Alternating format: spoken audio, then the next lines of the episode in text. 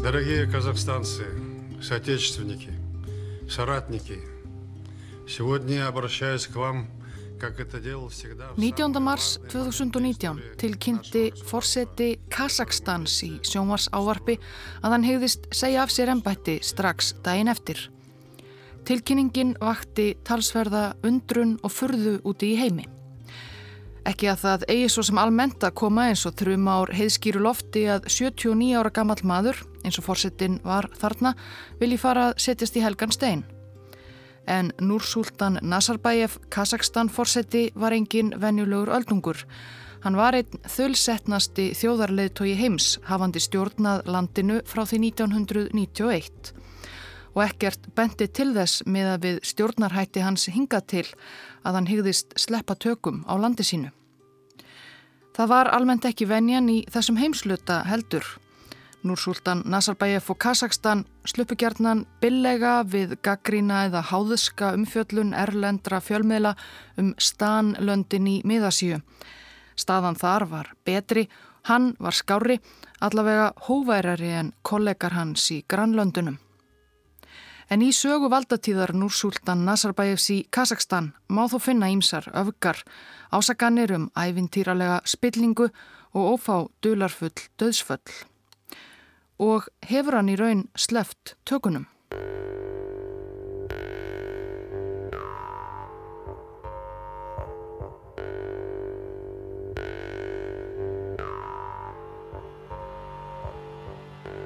Kazakstan er langstærst hinn að svo kalluðu stanlanda, raunar nýjundastærsta landið á heimskortinu, 2,7 miljónir ferkilometra, örlítið minna en Argentina og talsvert stærra en Allsýr. Landið er jafnframt það stærsta sem engin landamæri á að sjó. Landamæri Kazakstan að Rúslandi í norðri eru hins vegar lengstu samfældu landamæri tvekja ríkja á kortinu 7644 kilometrar og þar að þau gilikur Kazakstan að Kína í austri, hinnu róstusama kínverska héræði Xinjiang og Kyrkistan, Úsbekistan og Turkmenistan í söðri.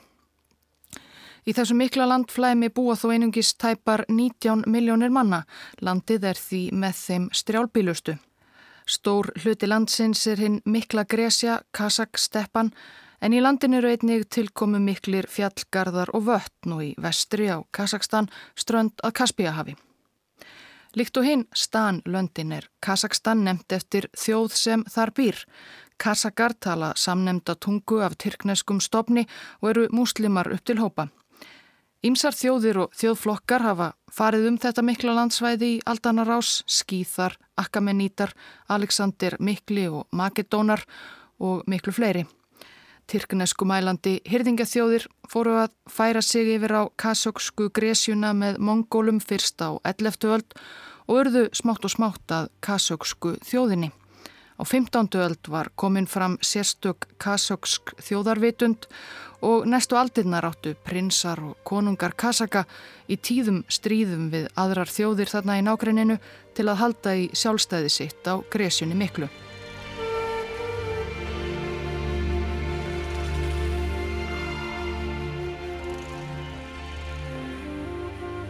Á ofanverðri 19. öld var svo helsta ógnin úr vestri Í höllum rúsneska keisaradæmisins hafði áhugi kviknað á þessu landsvæði og keisarans menn voru farnir að færa sig lengra og lengra austur inn í miðasíu. Drátt fyrir andstöðu innfættra höfðu rússar lagt undir svo að segja allt það sem nú er líðveldið Kazakstan undir lok 19. aldar. Rúsnenskum yfiráðum fylgdu miklar breytingar. Flestir Kazakar voru þá enn hyrðingjar líkt og fyrri kynnslóðir en neittust eftir komu rúsa í síauknum mæli til að leggja hyrðingalífið á hilluna og taka upp fasta búsetu. Þá kvöttu rúsnesk stjórnvöld rúsa til að setja staði þessu mikla flæmi sem keisarin hafi lagt undir sig og hefja þar staðböndin búskap.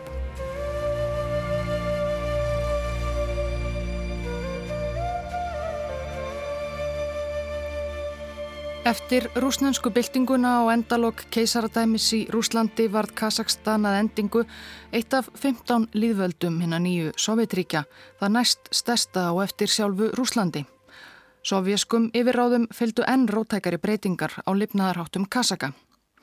Í lok þriðja áratugar 20. aldar og byrjun þess fjörða réðist Jósef Stalin, leðtogi Sovjetiríkjana, í gjörbyltingu á sovjaskum landbúnaði.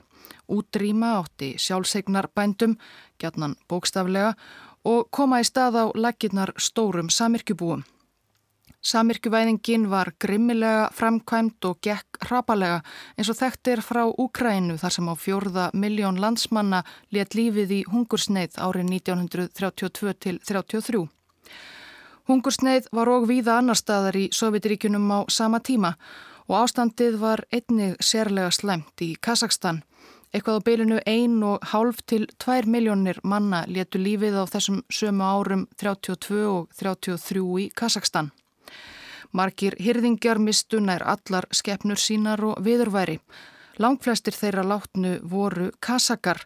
Alltaf 40% eiginlegra kasaka í Kazakstan letu lífið á þessum árum vegna hungursneiðarinnar en rúsnenskir landnemar fóru öllu betur út úr neyðinni. Í kjölfarið urðu kasakar, þjóðin sem líðveldið var nefnt eftir, að minnilhuta í eigin landi.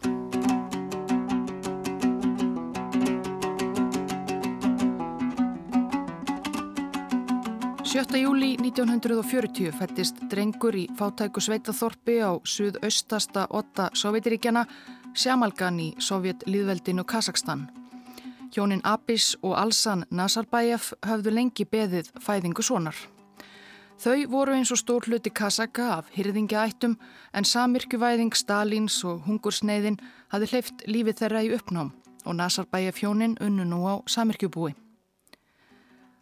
Samkvæmt sjálfsæfisögu þeirri sem pilturinn sem fættist 7. júli 1940 gaf út síðar meir var það föðuramma hans sem ákvaða hann fengi sérstaklega tilkomi mikið nafn, Núr-Súltan, búið til úr orðunum Núr, Ljós og Súltan, leðtogi eða konungur. Sem ungur piltur hjálpaði Núr-Súltan til við Ími Störf á samirkjubúi foreldra sinna. Það var nóg að gera til að rétt skrimta og Landið var ennan á sér úr viðjum hungurs og út í heimi var styrjöld. En í lofsamlegu og rósrauðu æfi yfirliti á ofinberi vefsíðu kasakskra yfirvalda segir svo um æsku eins unga núrsultans Nazarbæjefs. Þetta var erfiður sultar tími. En í æskuminningum hins unga núrsultans geymir hann ekki einungis byrðarnar og erfiðleikana, heldur einnig hlýjar elskandi hendur móður sinnar og umhyggju ríka aðtekli föður síns. Vinaleg fjölskyldan, bræður og systur, hjartaþrungin lög foreldrana. Fegurð hinna mögnuðu alla tátinda og skemmtilegir drengjaleikir. Svona var æska hans og allra félaga hans. Tekið er fram í sama yfirliti að erfiðisvinnan á samirkjubúinu hafði þó ekki áhrif á mentaferil Nazarbæjefs hins unga. Hann var jafnframt afbörðanemandi sem skaraði fram úr í öllum fögum. Hugur hans stemdi enda lengra en í samirkjubúskap. 18 ára flutti hann úr afskektri sveitsinni og allarleið til annars sovjetlýðveldis, Úkrænu, þar sem hann gekk í verkmentaskóla. Að náminu loknu fekk hann, 20 árið 1960, vinnu í Stálveri heima í Kazakstan, Karaganda versmiðunni í Temirtá í miðju landinu. Bærin Temirtá hafði risið í kringum versmiðjuna á fjörða áratögnum. Nafnið Temirtá þýðir bókstaflega Járnfjallið á kasakskri tungu. Í versmiðjunni vann núsultan Nazarbæjef við málmbræðsluopnin ótrúlega erfitt og hættulegt starf eins og hann sjáði sjálfur. Árið 1962 gekk Nazarbæjef í ungliðarhefingu kommunistaflokksins Komsomól. Hverki í sjálfsæfisögulegum skrifum sínum segist Nazarbæjef hafa brunnið sérstaklega fyrir hugssjónum kommunismans. Nei, hann vildi ná lengra en að vinna við málmbræðslu og að ganga í flokkin var einfallega besta leiðin til þess fyrir ungan verkamann. Sama áru hann gekk í komsumól varð annar örlagaríkur atburður í lífi ungamannsins. Minnistæðasti dagur þessa tíma var þegar ég hitti verðandi eiginkonu mína, Söru í fyrsta sinn. Við hittumst við málmbræðsluopnin eftir óhap. Þegar óhap urðu og málmur slettist úr opninum, fekk svo vakt ekki að fara fyrir en allt var komið í lag á ný. Þetta var stramt kerfi því það gæti tekið heilan dag, kannski meira, en við löguðum okkar mistök. Þetta var óþægileg stund. Við höfum verið á fótum í meirinn sólaring. Þaktir sótis og sást bara í augun á okkur og tennur. Og þarna hitt ég stúlku sem var á næturvakt á rafstöðinni og kom til að sjá hvernig gengi með opnin. Og bráðlega var búið að skipuleikja fyrir okkur komsomól brúðköp.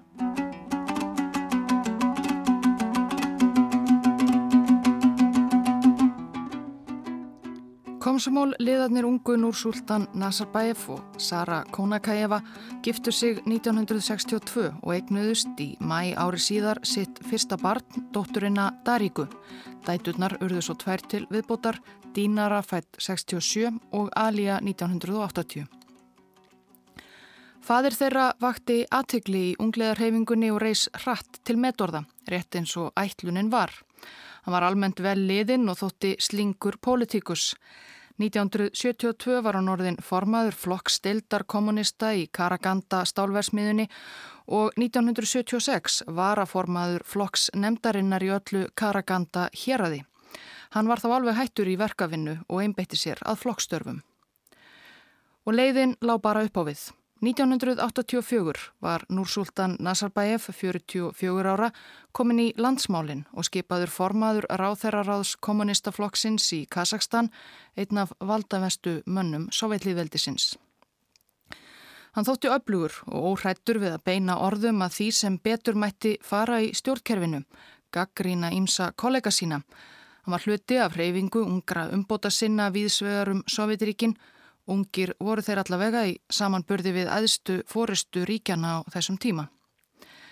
1989 varð Nazarbayev formaður Kazakska kommunistaflokksins sem hann hafi gengið í sem ungur maður 27 árum fyrr og árið eftir í april var staða hans sem valdamesta manns Sovjetlýðveldisins Kazakstans innsikluð með nýri stöðu forseta Lýðveldisins.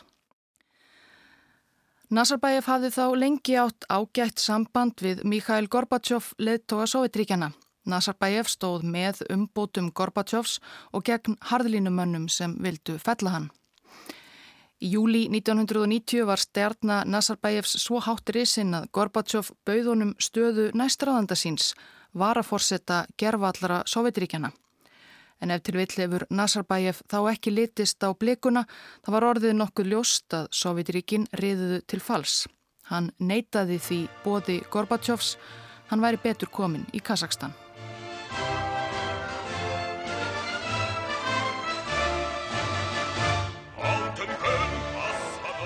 Sextánda desember 1991 lísti Kazakstan yfir sjálfstæði sínu síðasta sovjetlýðveldið sem svo gerði. Þetta voru óvissu tímar og það hafi leið beinast við að rugga bátnum ekki meira. Kostningar um forsetta, aðsta mann nýja sjálfstæða líðveldisins höfðu verið haldnar fyrir yfirlýsingu sjálfstæðis 1. desember 1991.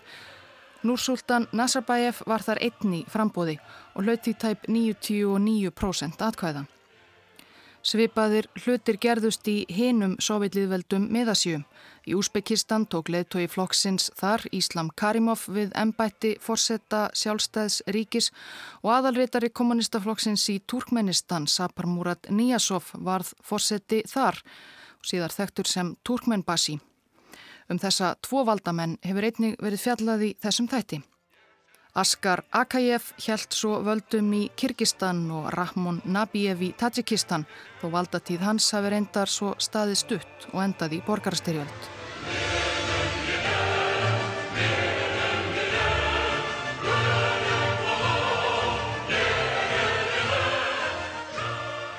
Í hennu ný sjálfstæða Kazakstan var nú hafist handa við að byggja upp nýtt stjórnkerfi og semja nýja stjórnarskrá sem tók blokk skildi í ársbyrjun 1993. Samkvæmt henni var Kazakstan líðræðisríki með líðræðislega kjörin forsetta og þing og allt sem því fyldi. Við röngum við okkur í einstökum aðstæðum. Hið samhangandi sovjerska efnahagskerfi sprakki loft upp og við enduðum eins og brot úr brotnum diski.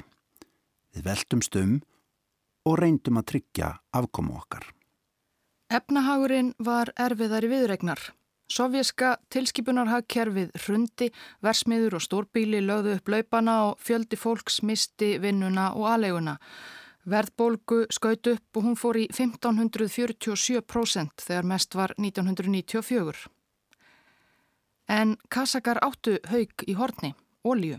Við strönd Kaspíahafs í vestanverðu Kazakstan eru mikil óljusvæði og áætlað að Kazakstan siti á 11. mestu óljubyrðum heims. Erlend oljufélög eins og Exxon og Chevron vildu auðvitað óð og uppvæg rétta ný sjálfstæðri þjóðinni hjálparhönd við að pumpa oljunu upp og koma henni út á alþjóðamarkaði. Eftir nokkur erfið ári kjölfarfals Sovjetiríkjana snérist Hagur Kazakstans því við. Ólíjan flætti úr jörðu og oljupeningar flættu til Kazakstans. Hagur Kazaksks almennings vengaðist umtalsvert eftir nokkur mögur ár. Núsultan Nazarbayev hlaut fyrir lof frá erlendum leðtógum og stjórnmálaskýrendum allavega í samanburði við gerraðislega sérvitringa eins og Turkmenbasi suður í Turkmenistan þótti hann vera stjórnspekingur hinn mesti.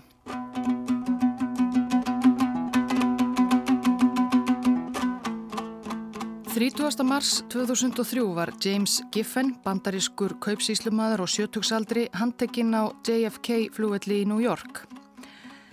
Giffen sem rak lítinn banka, Mercador á Manhattan, var grunaður um að vera einn af höfuðpaurunum í einu umfangsmesta máli sem bandarísk yfirvöld höfðu þarna rannsakað og tengdist spillingu bandarískra fyrirtækja á Erlendri grundu. Giffen var sagaður um að hafa á árunum 1995 til 1999 gengið erinda bandarískra oljufélaga Exxon Mobil, ConocoPhillips og Amoco í Kazakstan og fyrir að hafa greitt meira en 78 miljónir dollara til kazakskra stjórnmála og embætismanna til að tryggja oljufélagunum sneiðar af kazaksku oljukökunni. Giffen hafi meðal annars hlaðið kazakska embætismenn gjöfum skartgripum, loðfeldum, bátum og snjósleðum, auk þess að borga skólagjöld í fína engaskóla fyrir börn ímissa kasakskra fyrirmenna. En enginn hafði líklega notið eins góðs af vinskap við James Giffen og Núrsultan Nazarbayev fórseti. Hann grætti manna mest á olíunni auðvitað. Í tengslum við rannsókn á Giffen-málinu sem bandarískir gárungar nefndu Kazak Gate í stíl við Watergate málið hafðu svisneskir bankamenn nokkru fyrr uppgötuð 85 miljónir dollara sem færðar voru með krókaleiðum úr kasökskum ríkisjóði og á bankabók sem virtist tilheyra Núrsultan Nazarbayev persónulega. Peningarnir voru á endanum gerður upptækir og látnir renna til góðgerðarmála. Og James Giffen hjátaði að endingu mútugreðslur en fyrir rétti í New York kom hann með þá óvæntu skýringu á gjörðum sínum að hann hefði verið að ganga erinda bandarísku leinithjónustunnar CIA í Kazakstan. Dómari let mál hans að lokum niður falla af einhverjum óljósum ástæðum.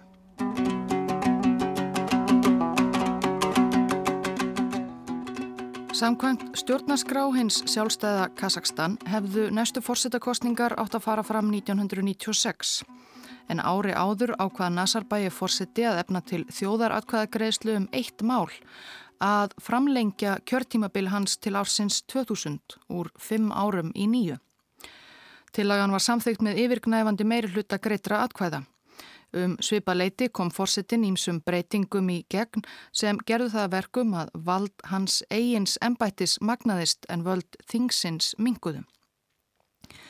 Ímislegt gerði það að verkum að Næstu fórsetakostningar fóru þó fram ári á undan áætlun í janúar 1999.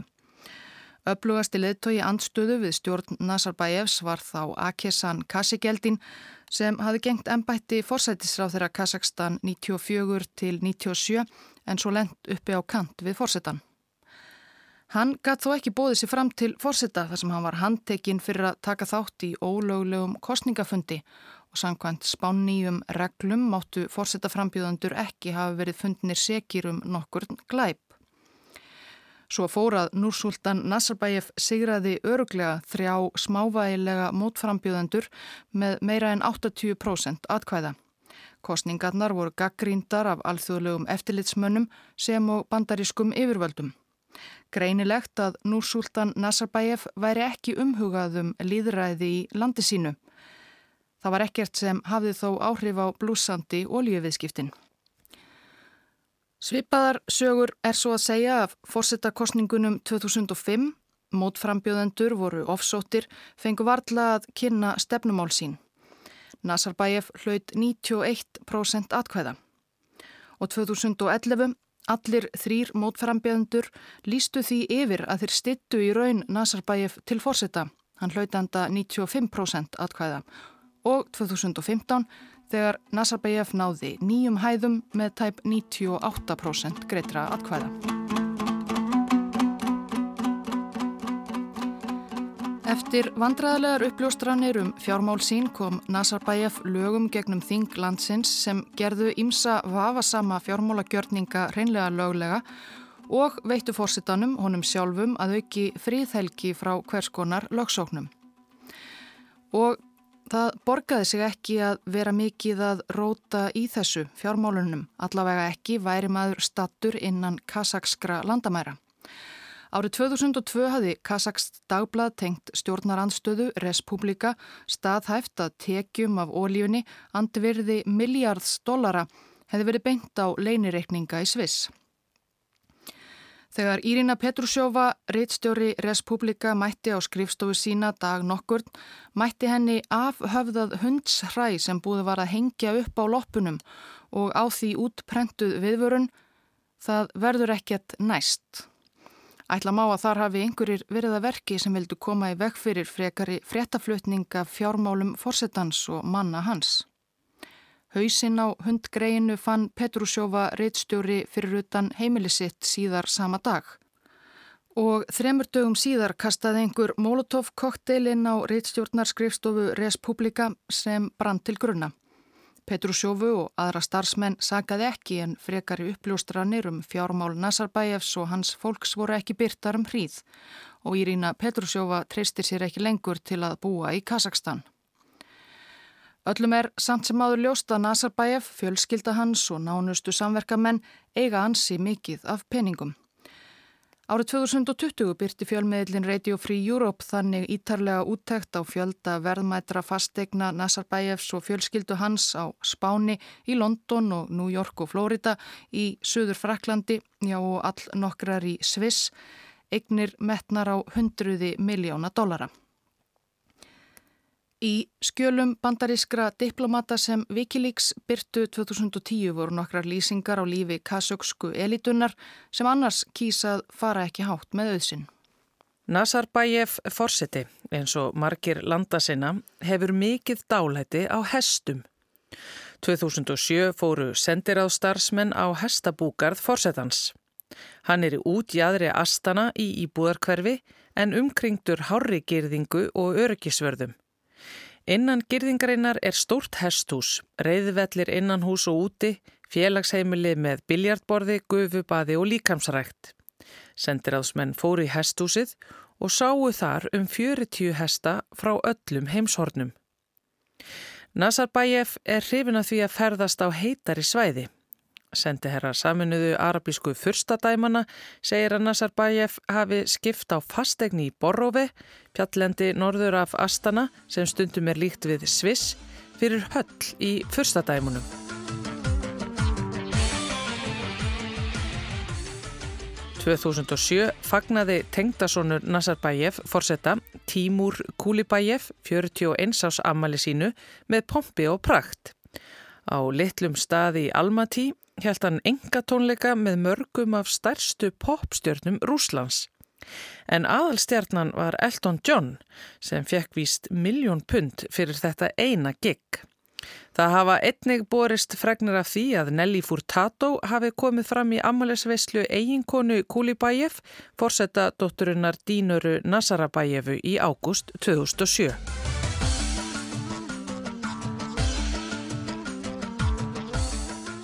Annars vakti hvað mestakáttínu úr diplomataskjölunum um Kazakstan frásögn af heimsókn þáverandi fórsættisráð þeirra landsins Karim Massimov á næturklub í höfuborginni Astana.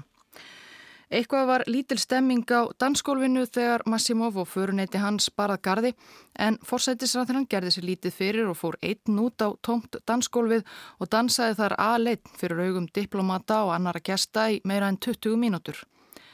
Spurður út í þetta eftir byrtingu skjálana saðist Massimov ekkert skamast sín, hann elskaði bara að dansa.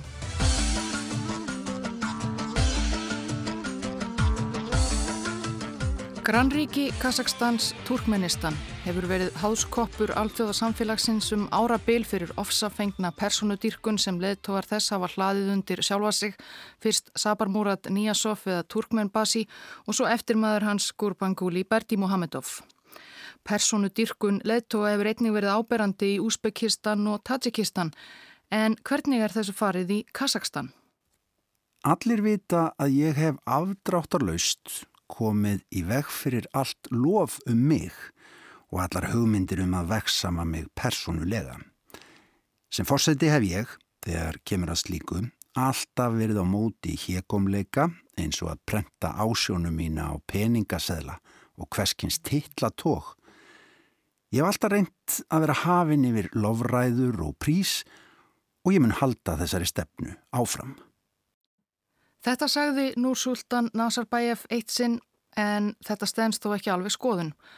Árið 2016 á 25 ára ammæli sjálfstæði landsins prentaði Kazakski Sælabankin 10.000 tengi seðla með ásjónu Nazarbayev forsetta leðtóa landsins öll þessi 25 ár og stittur af Nazarbayev er vissulega að finna í kasökskum borgum sem og skildi með ásjónu hans og tilvittnanir í einhverja speki sem hann hefur látið út úr sér. Landsmenn halda upp á amælistag hans 7. júli og sérstakann forsetadag 1. desember. Um lífslaup hans hafa verið skrifuð leikrit og gerðar kvikmyndir og reist heilu söfnin og líkt og Turkmenbasi létt kalla sig Turkmenbasi, leiðtoga Turkmena fekk Nazarbayev titilinn Elbasi, leiðtogi landsins, en sumir þegnar hans hafa kallaðan einfallega pappa. Og 2003. mars 2019, örfám dögum eftir að Núrsultan Nazarbayev sagði af sér ennbætti fórseta, kaus kasakska þingið einróma með því að endurnefna höfuðborg landsins Astana í Núrsultan.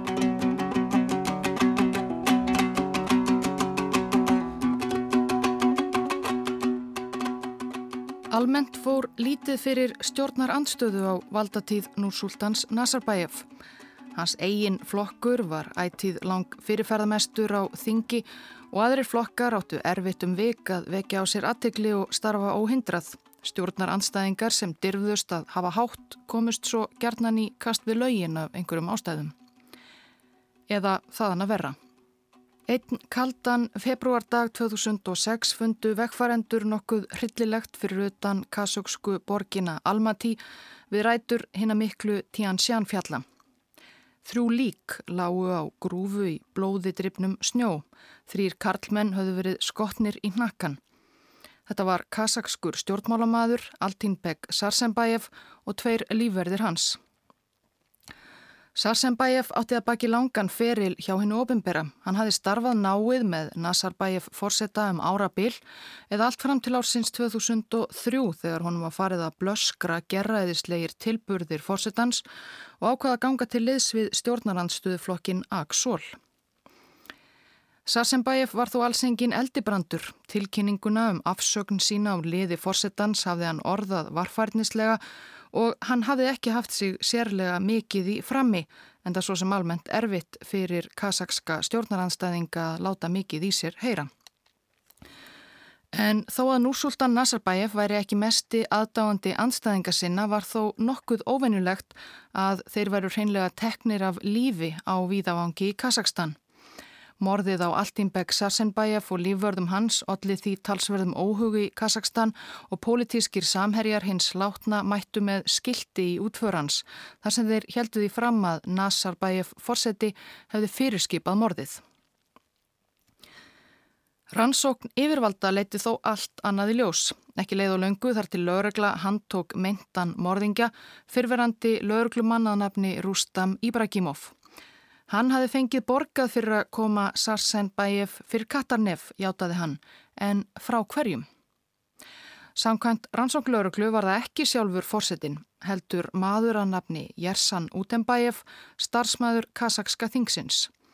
Sarsenbæjef átti að hafa móðgæðan með því að í að því bladagrein tveimur árum áður að Utenbæjef væri nokkuð drikkveldur. Hafði Utenbæjef svo látið reyðina vegna þessa gerjast með sér í tvö ár áður en hann létt til skararskríða og borgaði fúlgur fjár fyrir að láta myrða Sarsenbæjef.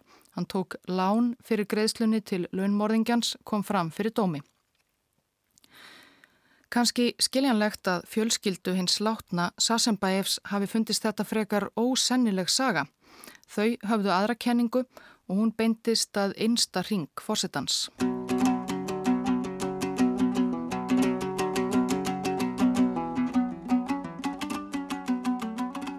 Elsta dóttir Nazarbæjefs, Daríka Nazarbæjefa, var 31 áskömmul 1994 þegar hún varð aðstóða stjórnandi ríkisútorsins í Kazakstan. Nokkru síðar varð hún sjónvarstjóri nýrar sjónvarstöðvar í ríkisegu, Khabar TV og eignaðist í kjölfarið fleiri fjölmiðla, útvarstöðvar, tímaritt og dagblöð. Ásamt því að stjórna fjölmiðlum byrtist Daríka reglulega á skjám landsmanna sem söngkona. Hlustendur kannad ráma í að Gulnara Karimova, dóttir Íslams Karimovs forsetta Úsbekistans, reyndi einni fyrir sér sem söngkona með misjöfnum árangri en ólíkt Gulnöru sem vildi verða einhvers konar popstjarna á Vesturlöndum söng Darika Ariur og rúsnenska Rómönsur af miklu listfengi. Mér kæðist það varóju, stó salgati С кровавых не пришедшие полей Líkt og gúlnara hefur Daríka þó óumdeilanlega notið góðs af ættartengslum sínum og ekki alltaf með fullkomlega heiðarlegum hætti verðist vera. Í Panamaskjölunum sem rannsóknarbladamenn byrtu um árið kom fram að Daríka ætti umtalsverðar eignir í aflandsfélögum á bresku Jómfrúreyjum og líklega er hún í raun ein allra ríkasta manneskja Kazakstans þó alls kostar óljóst sé hvaðan sá auður kemur. Ein af undrarlegri uppljóstrunum í kjölfar Panamaskjálana var svo að Darika ætti í gegnum flókna fléttu aflandsfélaga fastegn nokkra í Lundunum sem metin var á 130 miljónir punta eða rúma 23 miljardar íslenskra króna. Um er að ræða hvorki meirinni minna en Baker Street nr. 221b eða húsið þar sem Sherlock nokkur Holmes átti að hafa búið í í bókmentaverkum Artúrs Conan Doyle.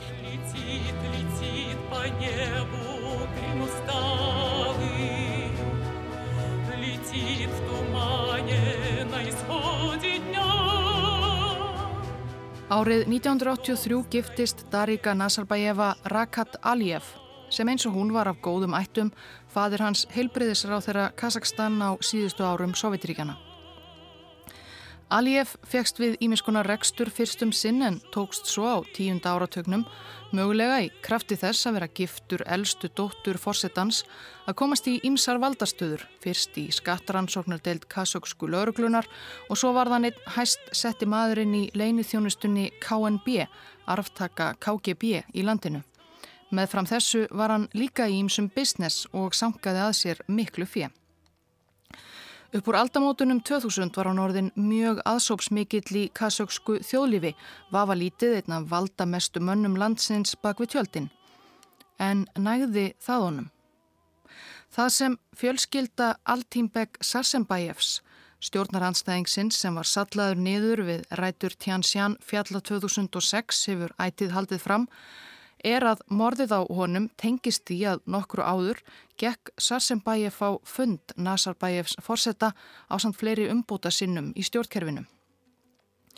Þeir sögðust hafa fengið veður af því að tengdasónur hans Rakat Aliyev og hans eigin dóttir Daríka Nasarbæjefa væru að leggja á ráðinum að steipa honum af stóli, hrifsa sjálf til sín völdin í landinu og koma jafnvel gamlamanninum fyrir Katarnef.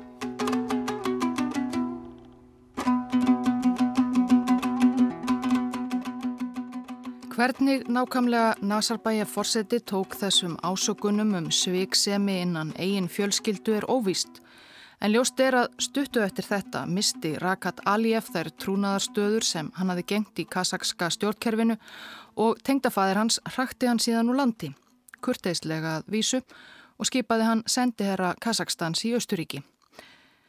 Hafði Rakat Aliyev fyrirskipað morðið á stjórnaranstæðingnum Sarsenbæjev til að hefna fyrir að uppkomst um valdaránsplott hans.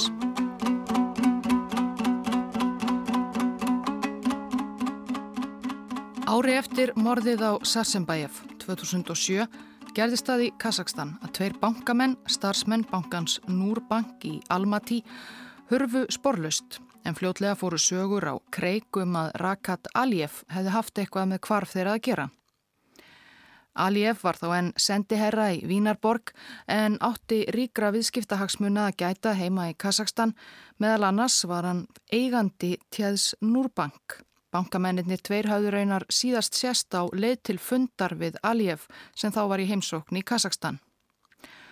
Aliyev neytaði að hafa nokkuð með málið að gera en Nazarbæja fórseti skipaði tengdasinninum að snúa aftur til Vínaborgar hið snarasta og hafa sig hægan. Það dugði þó ekki til. Þremur mánuðum eftir að bankamennir hurfu gerði laurugla húsleit heima hjá föður Aliyevs fyrirverandi ráþerrans. Aliyev var sagaður um að hafa rænt bankamönnunum tveimur og látið flytja þá á bóndabæn okkur þar sem þeir voru pintaðir til bana út af einhverju deilu um peninga. Í Vínarborg neytaði Aliyev áfram öllu en þólinnmæði Nazarbæjefs tengdapappa var bersýnilega á þrótum. Hann var rekin úr sendiherratjópinu, misti þar með fríðhelgi sína og bar svo fax þar sem honum var tjáð að Daríka kona hans væri skilin við hann. Rakat Aliyev var nú í alvöru útlegð í Vín og var ekki lengi að finna sig í hlutverki hins útlæga stjórnaranstæðings, fór í vestræna fjölmiðla og sagði að sinn eini glæpur hefði verið að andmæla Nazarbæjef forsetta. Aldrei hefði hann þó viðrað neinar slíkar skoðanir ofinberlega áður. Lík bankamannana höfðu ekki fundist en Aliyev var einhverja síður dæmdur fyrir morðin fyrir kasökskum domstól án þess að vera sjálfur á staðnum og sömuleiðis fyrir umfangsmikið plott um að steipa Nazarbæjef tengdapappa fyrverandi af stóli. Austuríki neytaði að framselja Aliyev til Kazakstan. Það fer ekki sérlega gott orð alþjóðlega af rannsóknar eða yfirheyslu aðferðum kazaksku lauruglunar nýjaf aðstæðum í þarlendum fangelsum. Svo að Aliyev var óhuldur en austurísk yfirvöld skuldbundu sig þar með til þess að rannsaka mál hans og bankamannana sjálf. Lík bankamannana fundust loks 2011 og þrátt fyrir að fjögur ár væru liðin báru þau skýr merki pyntinga. Í ársbyrjun 2015 fór fyrir domstóla í Vínarborg engar ofinnulegt mál, morð á tveimur mönnum, átta árum áður og mörg þúsund kílometrum frá Östuríki. Sækbortningar voru þrýr, Rakat Aliyev og tveir undirmenn hans. En morgunin 24. februar, áður en réttarhöldin hófust, fannst Rakat Aliyev látin í fangaklefa sínum í Vín. Hann hafi búið til snöru úr sárabindum og hengt sig. Eða einhver hengt hann til að þakka niður í honum, eins og lögfræðingar hans heldu um tíma fram. En það er þó ekkert sérstatt sem bendir til þess. Og undirmenn hans tveir voru að endingu síknaðir af morð ákærunum í Vínarborg.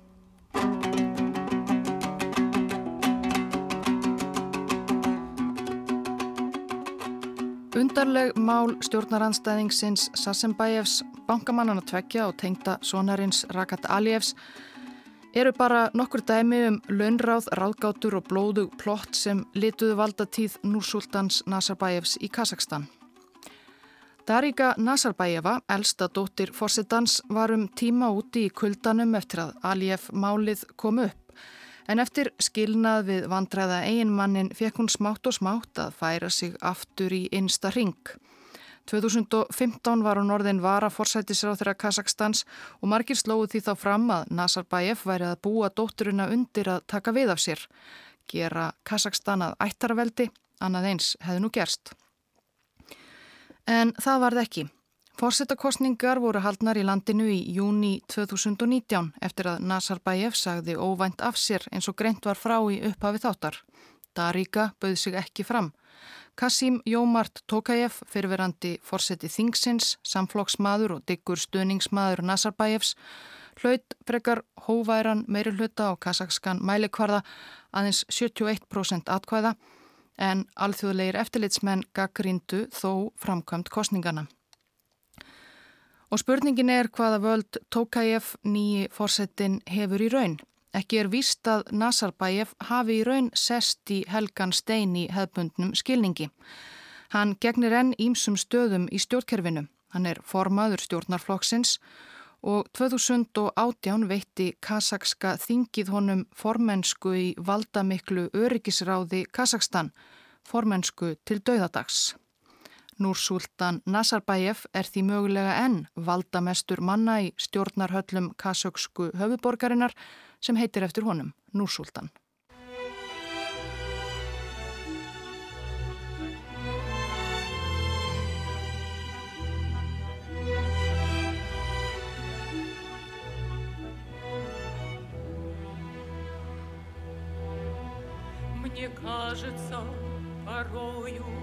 Что солдаты с кровавых не пришедшие полей не в землю нашу полегли когда-то, а превратились в белых журавлей. Они